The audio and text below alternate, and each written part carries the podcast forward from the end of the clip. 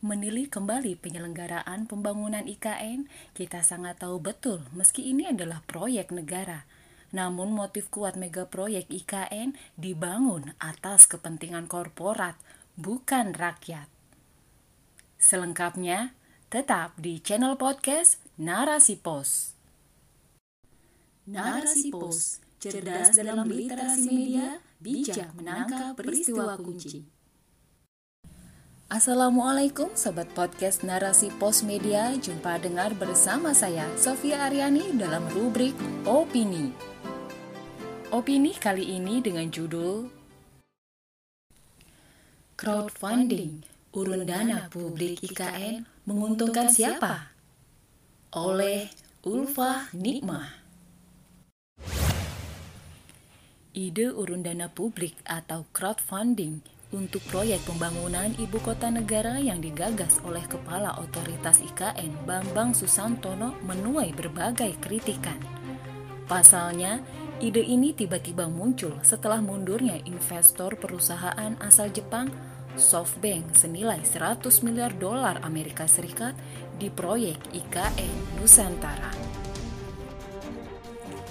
Seperti dilansir dari laman voy.id 23 Maret 2022, Ketua DPP PKS Mardani Alisera mengkritik wacana pembangunan IKN Nusantara di Kalimantan Timur berasal dari masyarakat melalui crowdfunding atau urun dana.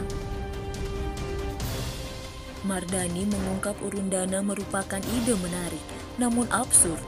Menarik karena membuat masyarakat terlibat, Absurd karena ini proyek pemerintah.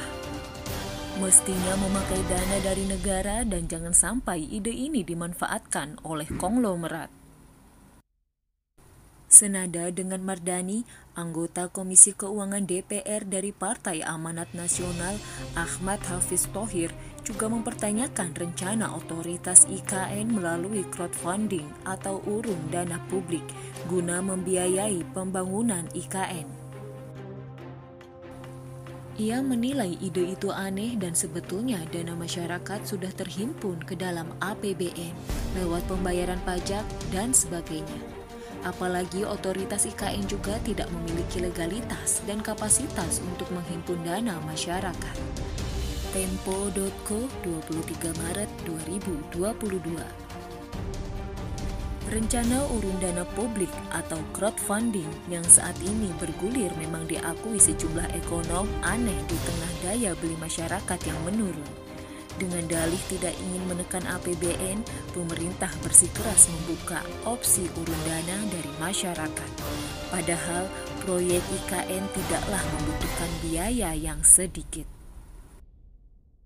IKN proyek korporat, crowdfunding tidak tepat.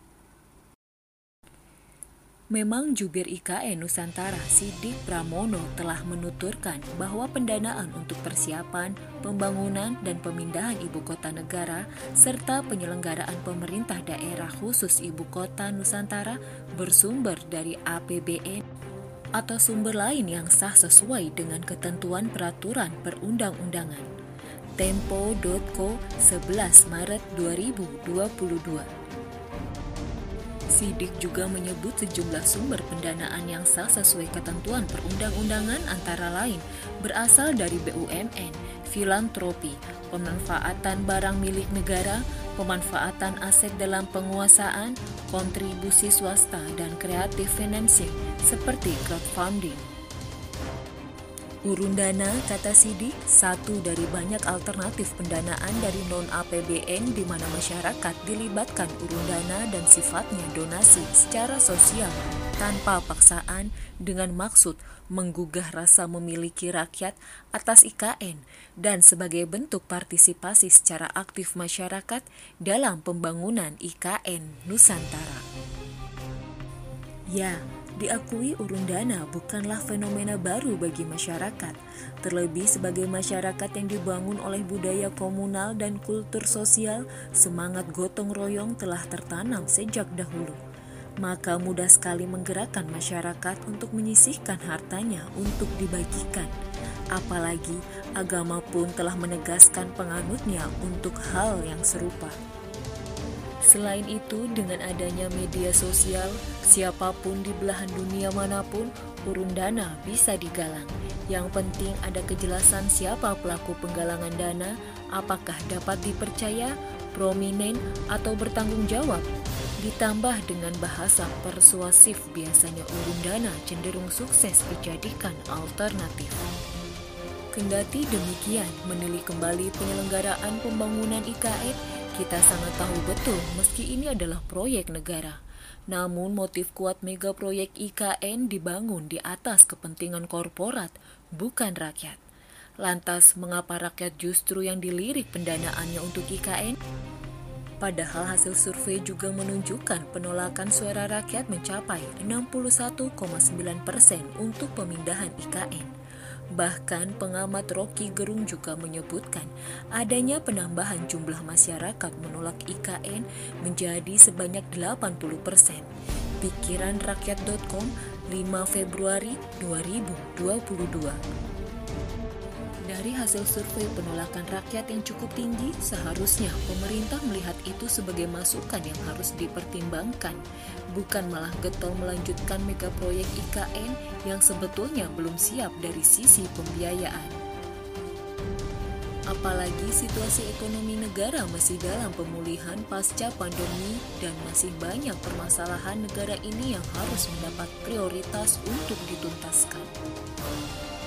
Jadi sungguh naif jika pemerintah berkoar-koar mengajak masyarakat untuk ikut berpartisipasi aktif urun dana dengan dalih sah didasarkan peraturan perundang-undangan.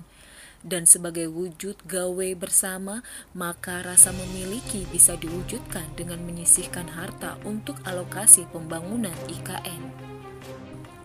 Sekilas apa yang diungkapkan Sidik selaku jubir IKN terkait keterlibatan masyarakat dalam urun dana pembangunan IKN tampak syarat pengamalan nilai gotong royong. Namun jika dianalisis lebih jauh, sebetulnya pemindahan IKN di tengah kondisi pemulihan ekonomi yang belum stabil imbas dari pandemi justru semakin menegaskan bahwa pemerintah tidak hanya telah kehilangan sense of crisis, tetapi juga telah hilang urat malunya. Betapa tidak malu pemerintah pernah menyatakan rakyat tidak perlu dimanja dengan pemberian subsidi atau bantuan dan memerintahkan untuk mencabut berbagai subsidi. Namun di sisi lain di saat gilirannya negara panik atas bengkaknya investor IKN, pemerintah malah berharap pada bantuan rakyat. Memelas pada rakyat meski didiksikan bentuk partisipasi rakyat, menarik urun dana masyarakat bahkan dilabeli bersifat sukarela.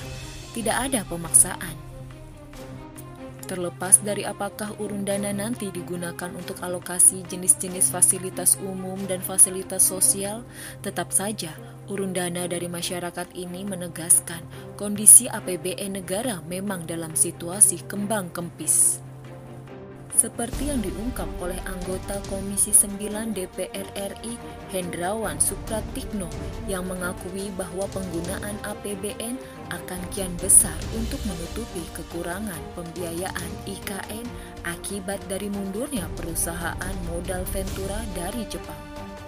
Softbank yang disebut-sebut bernilai investasi hingga 1.428 triliun rupiah Tentunya APBN kian defisit dan ujungnya memungkinkan menambah utang dari luar negeri.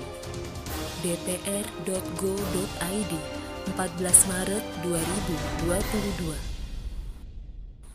untuk itu, crowdfunding atau menarik urun dana dari masyarakat jelas menunjukkan sikap pemerintah yang keliru. Sudah banyak kebijakan yang diputuskan pemerintah bukan pro rakyat, namun lebih pro korporat dari kenaikan pajak, kenaikan harga bahan pokok, minyak goreng, kenaikan harga bahan energi yang mau tak mau harus dihadapi rakyat. Padahal negeri ini memiliki potensi sumber daya alam yang luar biasa untuk menyejahterakan rakyatnya. Namun kekayaan yang dimiliki negeri ini justru habis, tak tersisa, dirampas oleh asing, asing, dan diserahkan kepada swasta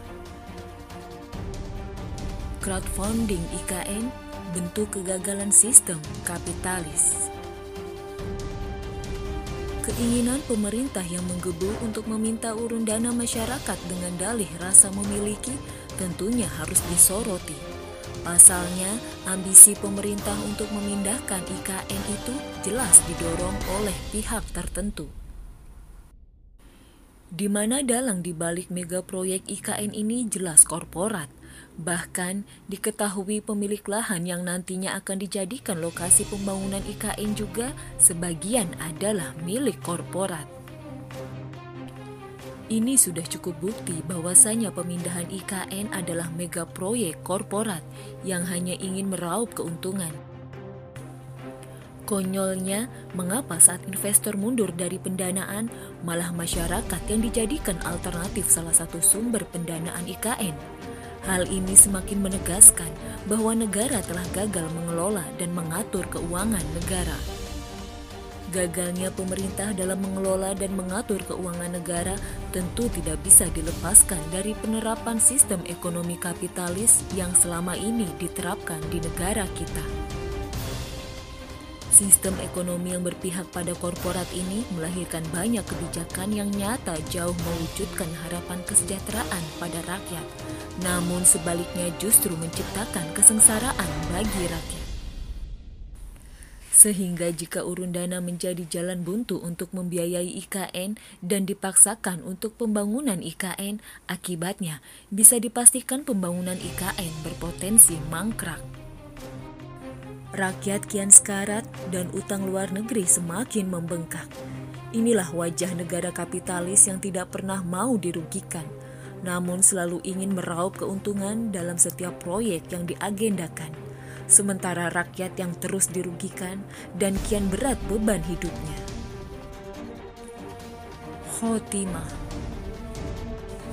dengan demikian, tidak tepat pemerintah menarik dana dari masyarakat untuk pembiayaan IKN dan memang seharusnya pemerintah menghentikan mega proyek IKN dan lebih fokus memberikan perhatian pada berbagai permasalahan konkret Sebab sudah menjadi kewajiban negara dalam menjalankan amanat rakyat harus menjamin setiap kebutuhan rakyatnya, memberikan perlindungan dan keamanan, bukan sebaliknya. Amanah kepemimpinan negara akan dimintakan pertanggungjawaban kelak di akhirat. Manakala mereka lalai atau khianat, maka mereka diancam dengan hukuman yang berat. Sebagaimana sabda Rasulullah Shallallahu Alaihi Wasallam dia yang berkuasa atas lebih dari sepuluh orang akan membawa belenggu pada hari kiamat sampai keadilan melonggarkan rantainya atau tindakan tiraninya membawa dia kepada kehancuran. Hadis riwayat Tirmizi, wallahu a'lam bisawab.